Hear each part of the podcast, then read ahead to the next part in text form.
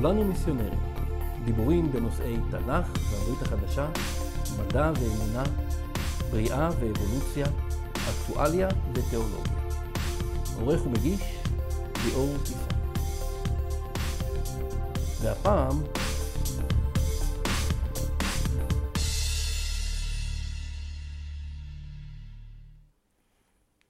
הפעם אני רוצה לדבר אליכם על אורקים.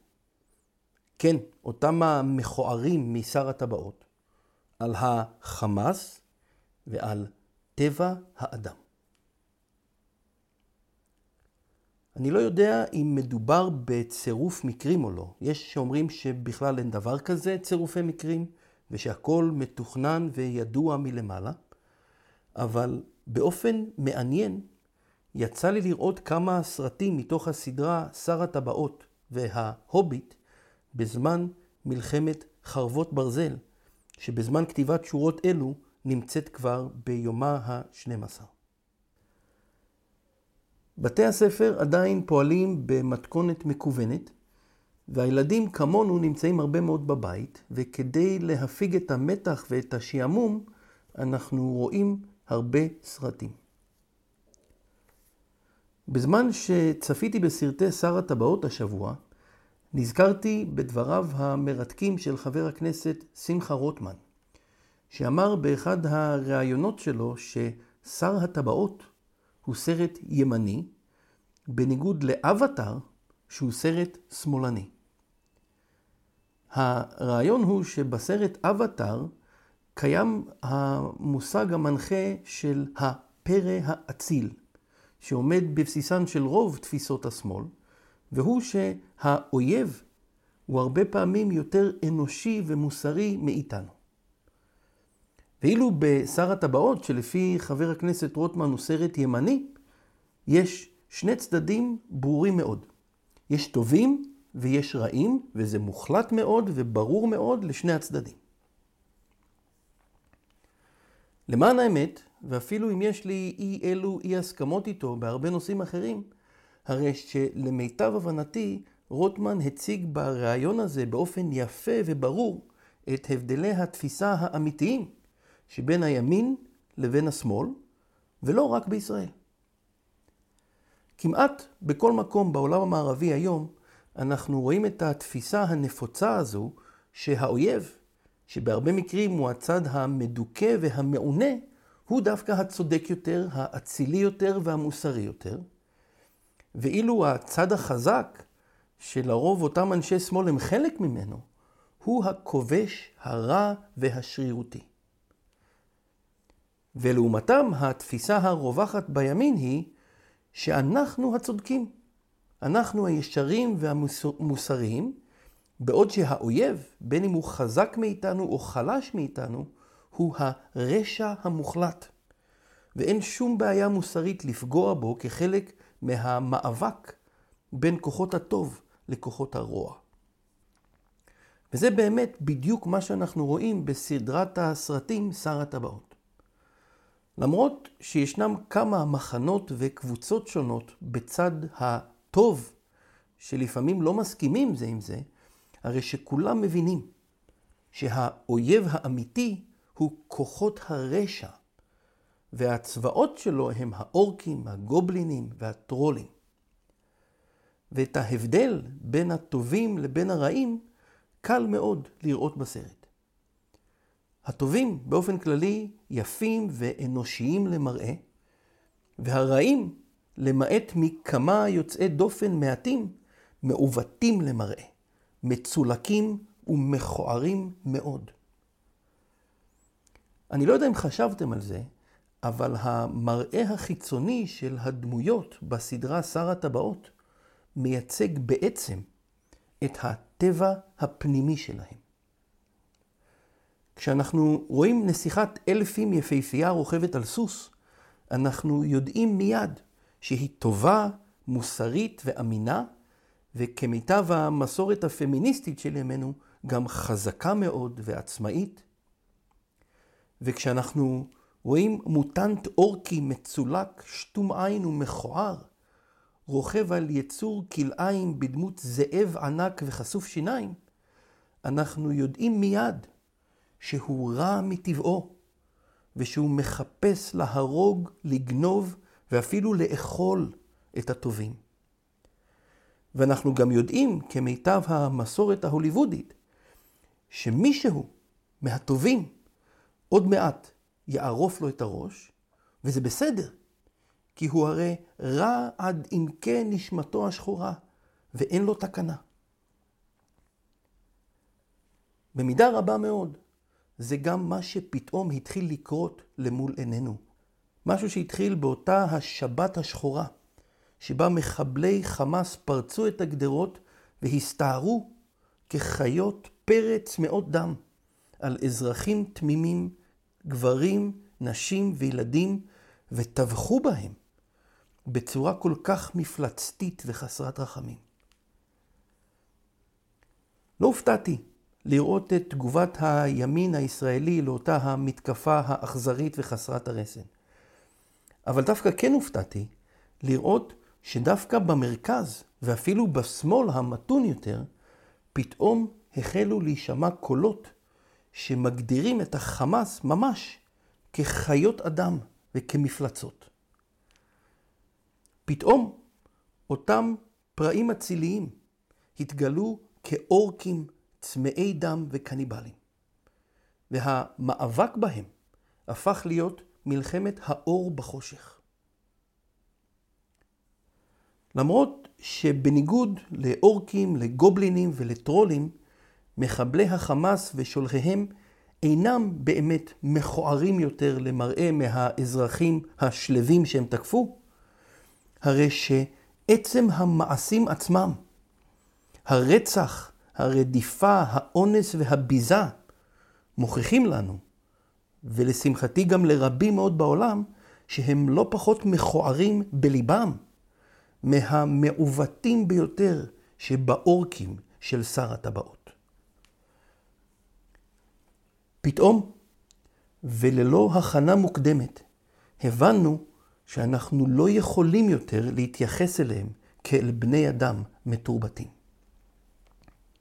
המעשים שלהם והשנאה שלהם הם הוכחה לזה שהרוע אחז בהם ללא תקנה, ושאין לנו ברירה אלא להילחם בהם עד חורמה.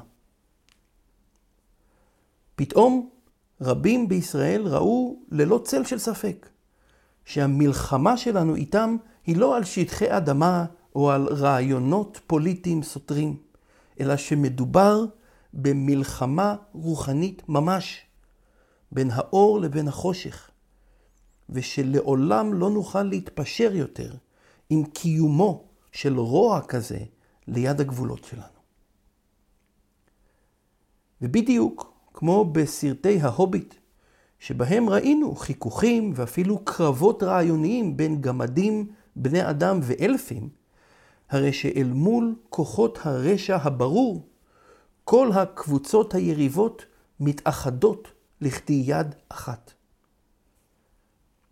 אם עד עכשיו דיברנו על גוונים של אפור, הרי שפתאום ראינו שמדובר בכמה גוונים של לבן, שניצבים מול כמה גוונים של שחור משחור. אם תרשו לי לשאול שאלה קצת מזעזעת ולנסות לאחר מכן ולתת לה תשובה, הייתי רוצה לשאול, למה זה שהמחשבה על אזרחים תמימים שערפו את ראשיהם מחרידה אותנו ממש? אבל כשאנחנו צופים באלף בלונדיני עם שיער ארוך ושתי חרבות, עורף את ראשו של אורק מכוער, אנחנו לא מזדעזעים. הסיבה היא, לדעתי, ותקנו אותי בהערות אם אני טועה, היא שאנחנו מבינים שאותו האורק הוא רע מועד, שהרשע הוא הטבע שלו, ושאין לו תקנה. שהוא כמו שד, שאין לו נפש אנושית רגילה, אלא שרוח רעה ורצחנית מפעמת בו, ושהמוות הוא העונש היחיד שראוי לו. קל לנו מאוד לחשוב על מחבלי החמאס כמו על מפלצות ושדים בדמות אדם, וזה מובן מאוד לאור מעשיהם בשבת של השביעי באוקטובר 2023. אבל אם תרשו לי להמשיך ולזעזע אתכם עוד קצת, הרי שאומר לכם שבעצם גם מחבלי החמאס הם אנושיים לגמרי, בכל המובנים של המילה. בזמן משפט אייכמן בירושלים, בראשית שנות ה-60, הפובליציסטית היהודייה חנה ארנדט, שסיקרה את המשפט של אייכמן, של אחד מגדולי המרצחים הנאצים, כתבה מאמר שבכותרתו היא דיברה על הבנאליות של הרשע. הרעיון המרכזי במאמר היה שאייכמן לא היה חולה נפש, ולא סבל מאף הפרעת אישיות שידוע לנו עליה. הוא היה בן אדם רגיל לגמרי, לא מיוחד ולא יוצא דופן, שעשה את מה שעשה מתוך חולשות אנושיות רגילות, שבעצם מאפיינות את כל בני האדם. והרי זו המחשבה המזעזעת באמת, שבעצם כל אדם, תחת הנסיבות המתאימות ותחת הלחצים וההשפעות המתאימות, ומתוך החולשות האנושיות הרגילות שלנו, יכול להפוך למלאך חבלה משחית שרוקד על דמם של חפים מפשע.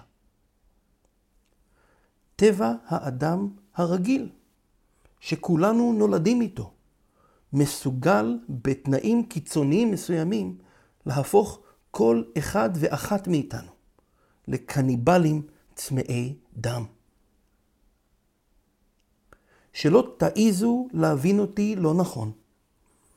אני לא מנסה ולו לשבריר שנייה אחד להצדיק משהו ממעשה החמאס.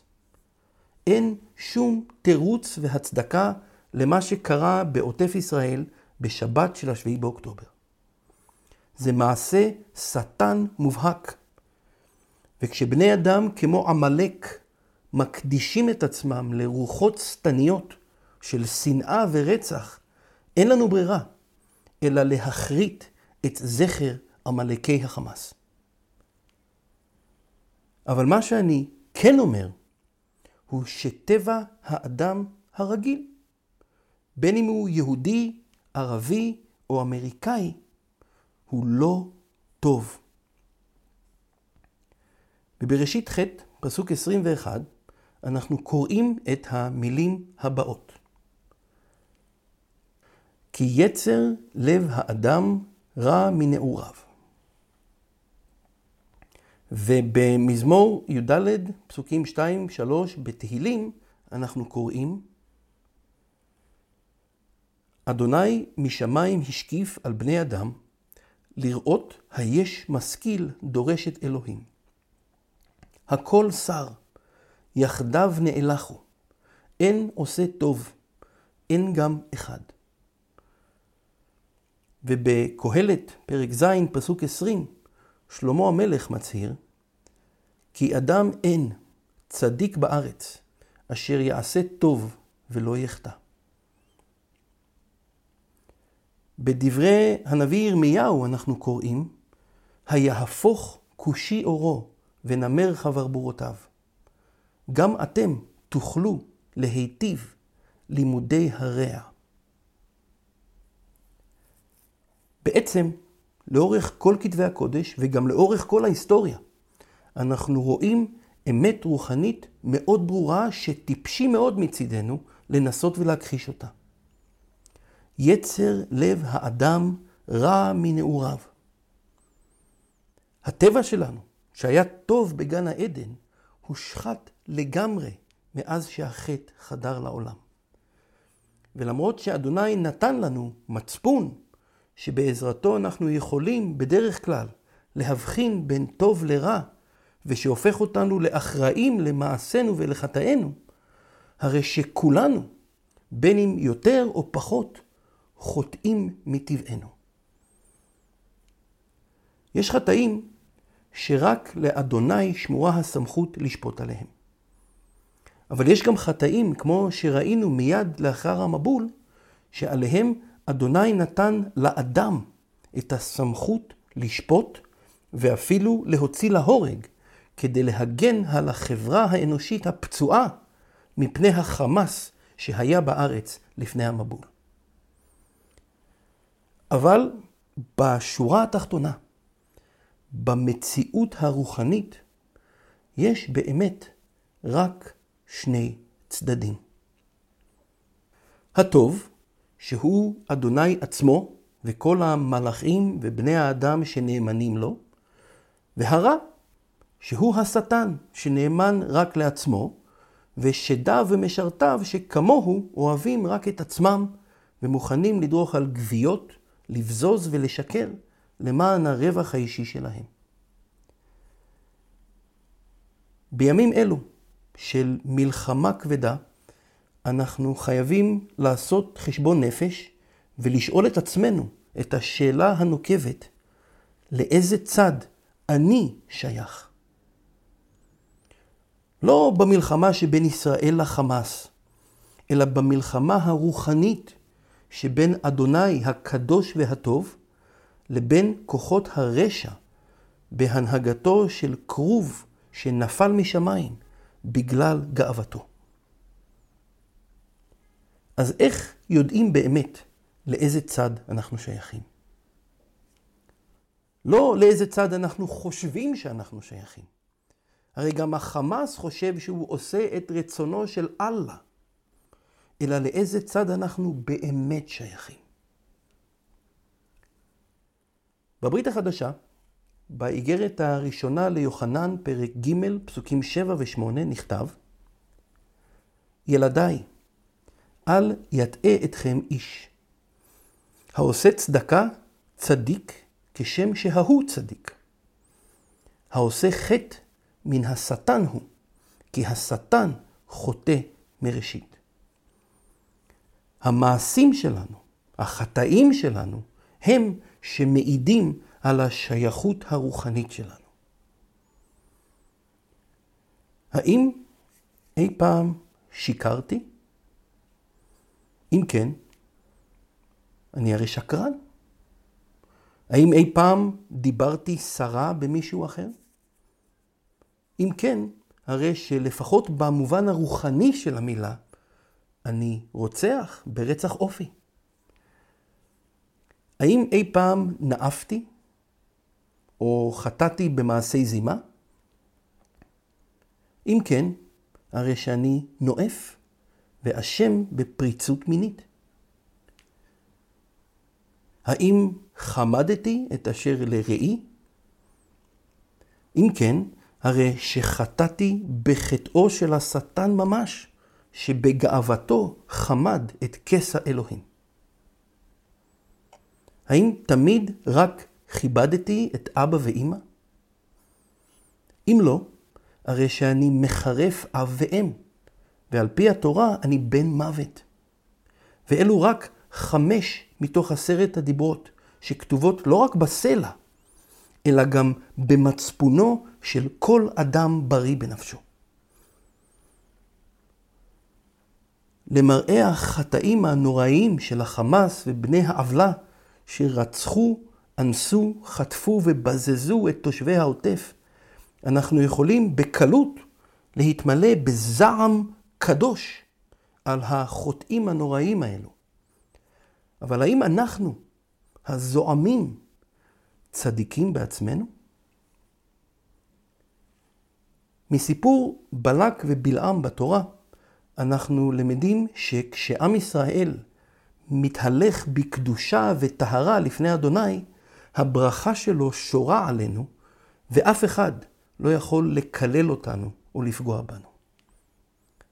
עצם העובדה שהאויב האכזר הזה הצליח לפגוע בנו כל כך הרבה, מעידה שהברכה מלמעלה איננה עלינו עכשיו.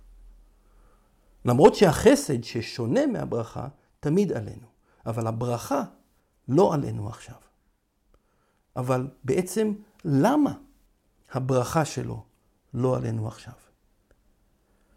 אמנם אנחנו באמת יותר טובים מהחמאס ומהנאצים, אבל בעצם גם אנחנו, בין אם כיחידים או כעם, חוטאים מאוד מלפני אדוני. ורק בחסד ואורך רוח רב מאוד מצידו, עוד לא הושמדנו גם אנחנו. הייתי יכול לנצל את ההזדמנות ולקרוא לכולנו לשוב בתשובה שלמה מלפני אדוני על חטאינו, כמו שעושים רבנים מסוימים. אבל האמת היא שגם אם המצפון שלנו מעיד בחוזקה רבה בקרבנו שאנחנו חוטאים, ואנחנו רוצים לשוב בתשובה שלמה לפניו, הרי שבאופן מעשי אנחנו כמו נרקומנים שמכורים לחטאינו ולא יכולים להפסיק. הטבע שלנו, כמו חברבורותיו של הנמר, נמצא מעבר ליכולתנו לשנות. אנחנו לא באמת יכולים לשוב בתשובה מעשית שלמה ולהפסיק לחטוא. אם אלוהים לא יעשה את זה בשבילנו, הרי שאנחנו אבודים בחטא, ובעצמנו חסרי תקנה. אבל יש גם חדשות טובות. למרות שבמובן הרוחני הטהור, הרי שכולנו אורקים, שנטמעו לגמרי בחטא ושאינם ברי תשובה, אותו האלוהים הטהור והקדוש, שנגדו כל חטאתנו, ריחם עלינו, האבודים בחטאינו, ועשה איתנו חסד כל כך אדיר, שעד היום השטן וצבאו מנסים מאוד להסתיר אותו מאיתנו. כחלק מההבטחה שלו לכרות איתנו ברית נצח חדשה בנבואת ירמיהו ל"א, אדוני עשה מעשה שכל מי שיאמין בו יקבל בזכותו סליחת חטאים מלאה, חיי עולם ורוח חדשה עם טבע טוב ובלתי נשחט.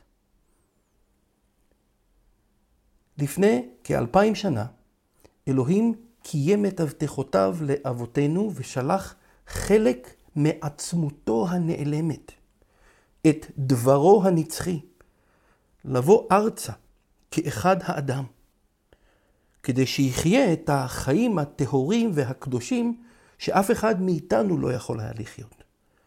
ואז, בבוא הזמן, ייתן את נפשו הטהורה למוות, כקורבן מכפר על חטאינו.